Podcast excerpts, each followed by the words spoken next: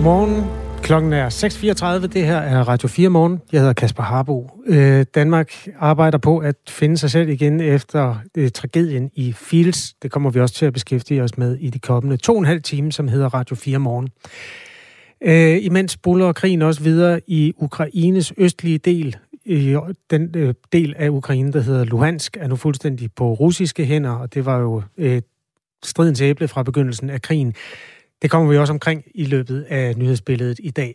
To nyåbnede danske restauranter kunne i aftes hente en Michelin-stjerne hjem. Den ene, restaurant Ja Tak på Nørrebro i København, og den anden hedder Restaurant Mota og ligger på, øh, eller i, på Sjælland, Nykøbing Sjælland.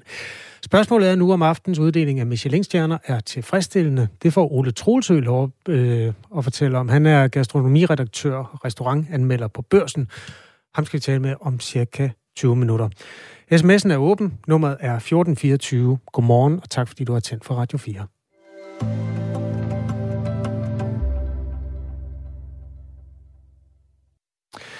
Den sigtede for skyderiet i shoppingcenteret Fields i København blev i går eftermiddags afhørt i grundlovsforhør. Dommerne i, Køben, dommerne i Københavns Byret vurderede, at den 22-årige sigtede skal varetægtsfængslet på en lukket psykiatrisk afdeling i 24 dage.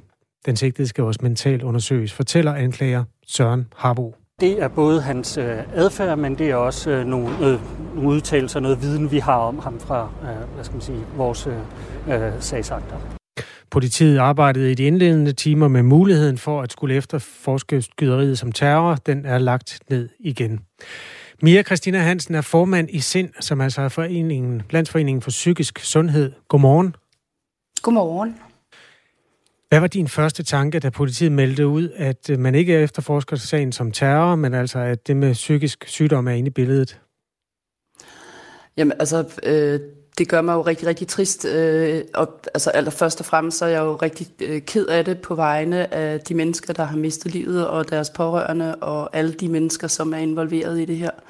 Øh, og så er det jo igen, altså jeg tænkte jo allerede, da jeg, da jeg hørte om det, så tænkte jeg, åh oh, nej, bare det nu ikke handler om et menneske, som er, er psykisk, har en psykisk lidelse eller psykisk ustabil, og ikke har kunne få den hjælp, som er nødvendigt, for det har jeg jo oplevet før, øh, at det er det, der har været tilfældet.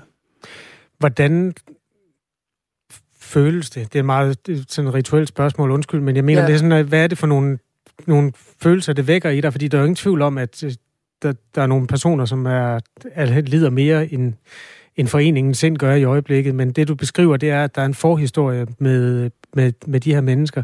Hvad er det for nogle, nogle ting, det vækker i dig? Jamen altså personligt vækker det jo rigtig meget, fordi jeg jo selv har været ude for, at min kollega blev slået ihjel, øh, dræbt af et menneske, som ikke fik den nødvendige hjælp for seks år siden på et bosted, jeg arbejdede. Så, så udover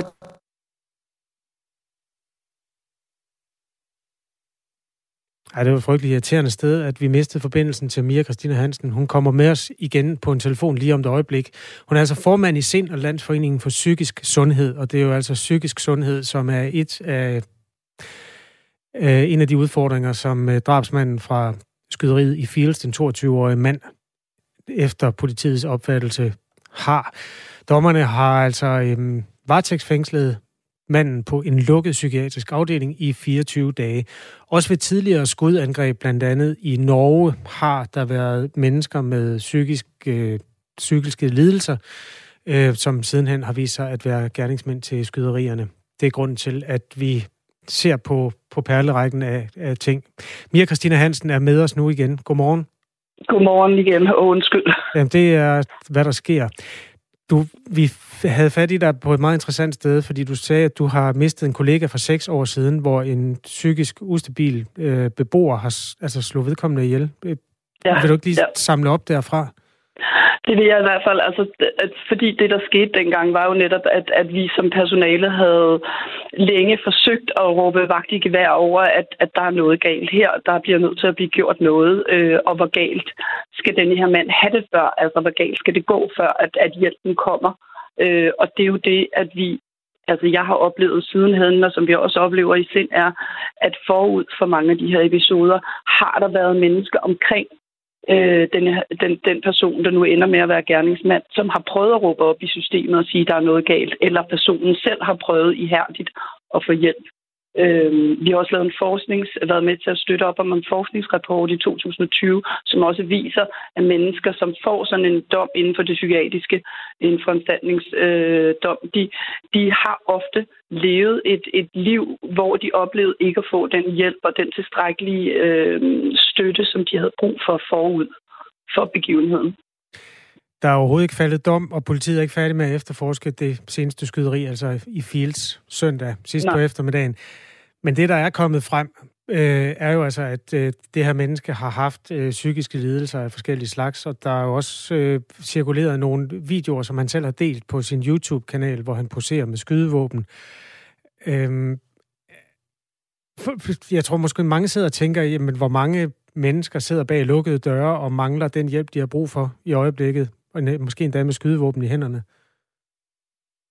Ja, og det kan jeg jo godt forstå, at tankerne går. Jeg tror ikke, at man skal tænke, at der sidder rigtig mange rundt omkring med skydevåben og, og venter på at gøre noget. Og det er jo det, der også er så sørgeligt, det er jo, at det her kommer til at stigmatisere mennesker med en psykisk lidelse. Fordi det handler jo ikke om, at mennesker med psykiske lidelser er farlige øh, og er ude på at lave komplotter, hvor at de slår mennesker ihjel. Det handler om, at vi har nogle mennesker, som ikke får den rette hjælp og støtte, og som ender med, at der kommer situationer, som bliver farlige, hvor de bliver til fare for dem selv eller andre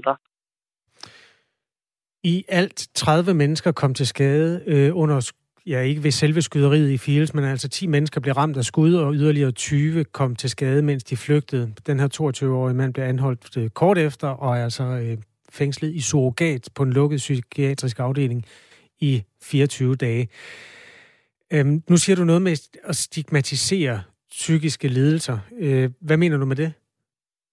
Jamen det mener jeg med, at det jeg oplever, når jeg møder folk øh, og taler om, om, om, hvad jeg laver og hvad mit arbejde er, så det første, de siger, det er, ej, hvordan tør du det?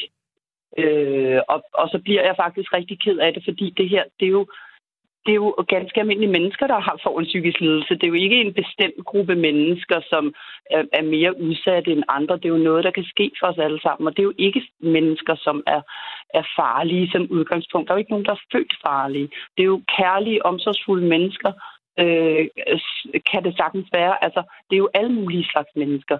Så, så øh, det her med, at, at man tænker, at når man har en psykisk sygdom, så er man farlig, det, det bliver jeg rigtig trist over. Vores lytter Martin hører med. Man kan skrive ind til programmet her på nummer 1424, hvis man har en sms. Han, han stiller det her, sådan, han vender den om og siger, mennesker, der gør den slags ting, altså dræber andre mennesker, har de ikke altid psykiske lidelser, uanset om det så er politisk eller religiøst motiveret? Altså det kan man jo sagtens tænke. Øh, det sad jeg jo også den anden dag og, og, og talte med nogen om, at når folk begår en grusom handling, er det så ikke fordi, der er noget galt, men der er jo også nogle mennesker, som ikke har en diagnose forud for det her, og som ikke har været i kontakt, men som bare lever et almindeligt liv, hvor man så oplever, at der sker et eller andet. Så det, det kan jeg ikke sige sådan jo, om det er det ene eller det andet, men, men man kan da sagtens have tanken, at der må der være noget galt, hvis et menneske kan finde på at slå andre ihjel. Jeg taler med Mia Christina Hansen, formand i SIND, som er Landsforeningen for Psykisk Sundhed. Som du er inde på, det er sket mange gange. Øh, for to uger siden blev en læge stukket ned af en patient på Amager. Hvor meget har det med den psykiske sygdom at gøre, når det så bryder ud og bliver til vold, som koster menneskeliv, eller det førligheden for nogle af dem, der bliver overfaldet? Jamen det er jo svært at sige, fordi det hele er jo så individuelt fra menneske til menneske, fordi ligesom når Martin spørger, jamen handler det ikke altid om, om at der er et menneske, der har noget psykisk. Så, så selvom at det virker voldsomt, at, at vi oplever, at de her episoder sker ind imellem i løbet af årene, så er der jo rigtig mange mennesker, der lever med en psykisk sygdom, som jo ikke er, er syge øh, og som ikke, eller som ikke er syge, som ikke gør noget voldsomt, og som ikke bliver til fare for dem selv eller andre. Så, så, øh, så det er jo svært at sige lige præcis, hvad det er, men jeg ved i det tilfælde, dengang min kollega blev slået ihjel, så var det fordi, at den her mand ikke fik den nødvendige hjælp og støtte, som han havde brug for. Han kunne ikke blive indlagt og, og få den hjælp, der var brug for i forhold til behandlingssystemet i den periode, der er gået siden, hvor man har skulle bearbejde det der, hvor du har skulle bearbejde, at du mistede en kollega på den måde, går jeg ud fra, at du også har kunnet tale med nogle af de andre mennesker med psykiske lidelser om det, der er sket. Hvordan forholder de andre mennesker sig til det, altså dem, der ikke har slået nogen ihjel? Jamen, de har det jo også det her med, at nu bliver man stigmatiseret, at de oplever, at folk ser på dem som farlige. Der er jo mennesker, der oplever, at deres vennekreds trækker sig fra dem, når de fortæller, at, øh, at, at de har fået en, en, en psykisk øh, lidelse, en psykisk diagnose. Øhm, og, og det er jo så trist, fordi det gør jo også, at folk ikke har lyst til at tale om det, og så bliver der jo et endnu større stigmatisering, og så er der måske endnu flere, som ikke får den nødvendige hjælp, fordi de så heller ikke henvender sig for at få hjælpen, for man tør ikke, for hvad tænker andre mennesker om mig, hvis jeg pludselig får en psykisk diagnose. Tak fordi du var med her til morgen, Mia Christina Hansen, og beskrev det. Selv tak, fordi jeg måtte være med. Formand i SIND, som altså er Landsforeningen for Psykisk Sundhed. Der er flere, der har skrevet til os, at der, og der bliver så nævnt forskellige øh, terroristiske øh, angreb, altså blandt andet ved Krudtønden, hvor der også var tale om psykiske problemer. Det er vores lytter Steve, der skriver, øh, Islamisk Stat kendte ikke gerningsmanden til skyderiet ved Krudtønden og synagogen i Krystalgade i København i 2015, før efter tragedien, og han var også alene om det.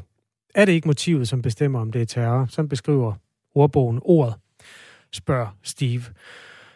Og det kan blive en strid om ord. Det er i hvert fald politiets definition af terror kommer ikke i spil i forhold til opklaringsarbejdet af det, der fandt sted søndag eftermiddag i København. Det kommer vi til at øh, blive ved lidt endnu. Du lytter til Radio 4 morgen. Man kan skrive på nummer 1424. Klokken er kvart i syv. Som sagt, den 22-årige mand, der er sigtet for at stå bag skyderiet, blev fremstillet i grundlovsforhør og fængslet i surrogat i 24 dage. Det sker blandt andet for at forhindre, at han vil kunne begå noget lignende igen. Vores reporter Lisa Linding var til stede i retten under grundlovsforhøret. Der er ingen tvivl om, at det er en sag med meget stor interesse. Jeg talte over 30 journalister, tror jeg, der alle sammen sad klar med deres computer eller blog. Der gik lige et par minutter, inden den sigtede kom ind, og mens vi ventede, var der helt stille i, i retssalen. Den 22-årige blev så ført ind i retten af seks bevæbnede betjente. Han havde en blå t-shirt på, blå bukser og et transportbælte om maven. Og da han satte sig ned, kiggede han rundt i rummet, både på dommeren, på anklageren og på os pressen bag os i lokalet. Under grundlovsforhøret blev dørene lukket, som det hedder, altså pressefolkene blev sendt udenfor, og det er hensyn til efterforskningen, der gør, at man ikke vil have offentliggjort det, der kommer frem. Også for, at øh, vidner ikke kan blive påvirket af de oplysninger, som kommer frem under de første afhøringer af den mistænkte mand. Det er helt klassisk, fortæller Jan Jarlbæk, som har 23 års politierfaringer, blandt andet rejseholdet og Europol, og i dag er sikkerhedsrådgiver. Jeg synes langt hen ad vejen, at det er forventeligt, at, at, at øh, man lukker dørene for det første.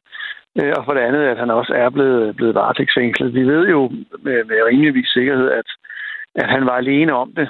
Øh, så, ved det, så der er ikke noget, noget i sol, måned stjerner, der tyder på, at, at, øh, der er nogen, der skal, øh, skal man leder efter andre øh, medgerningsmænd eller noget som helst.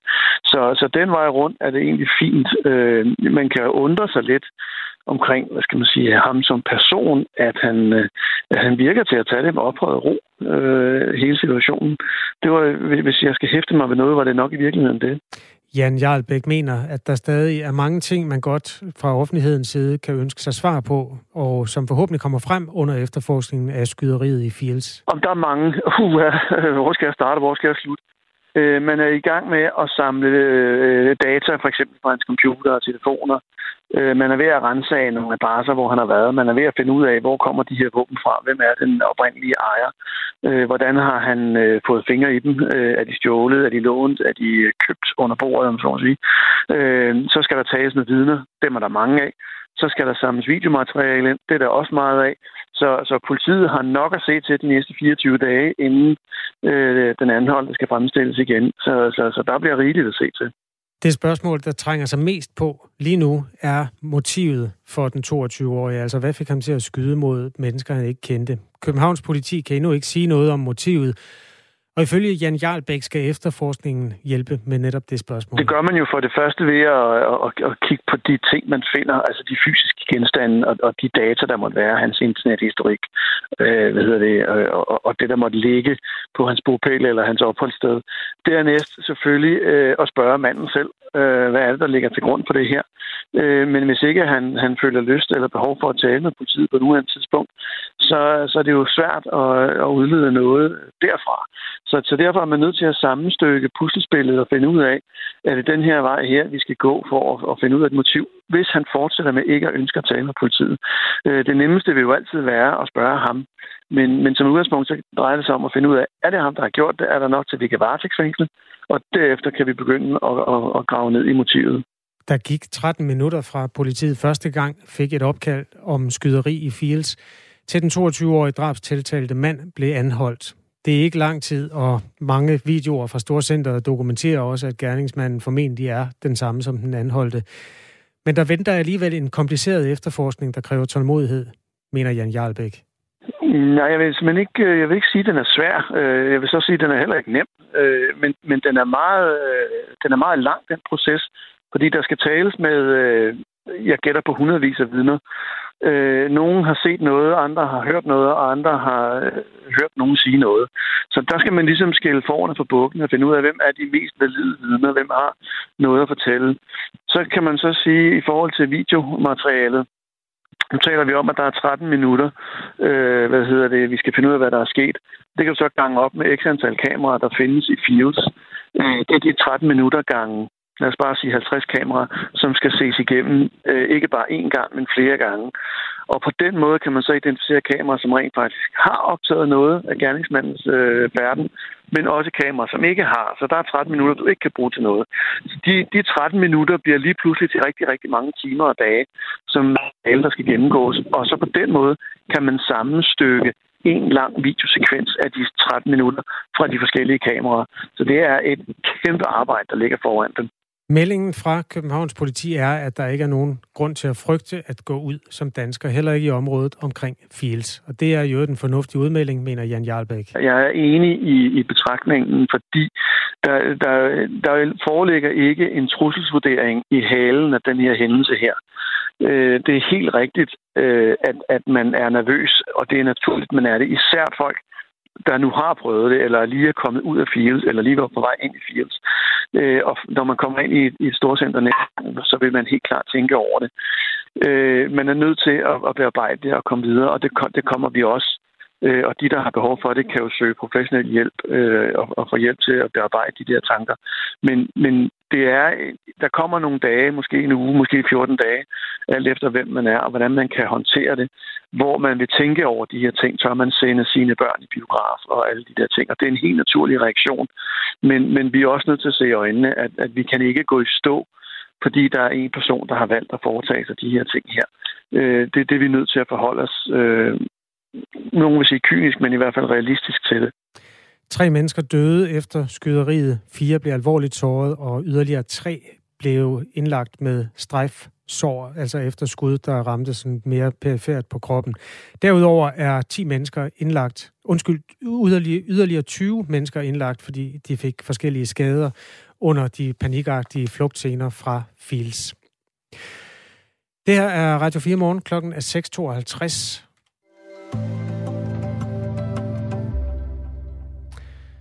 Og så til noget mere glædesbetonet. To øh, nyåbnede danske restauranter kunne i går hente deres første Michelin-stjerne hjem. Den ene hedder Restaurant Ja Tak og ligger på Nørrebro i København, og den anden den hedder Restaurant Mota og ligger i Nykøbing Sjælland. Restaurant Mota! Restaurant Mota! Claus Eriksen! Claus Henriksen?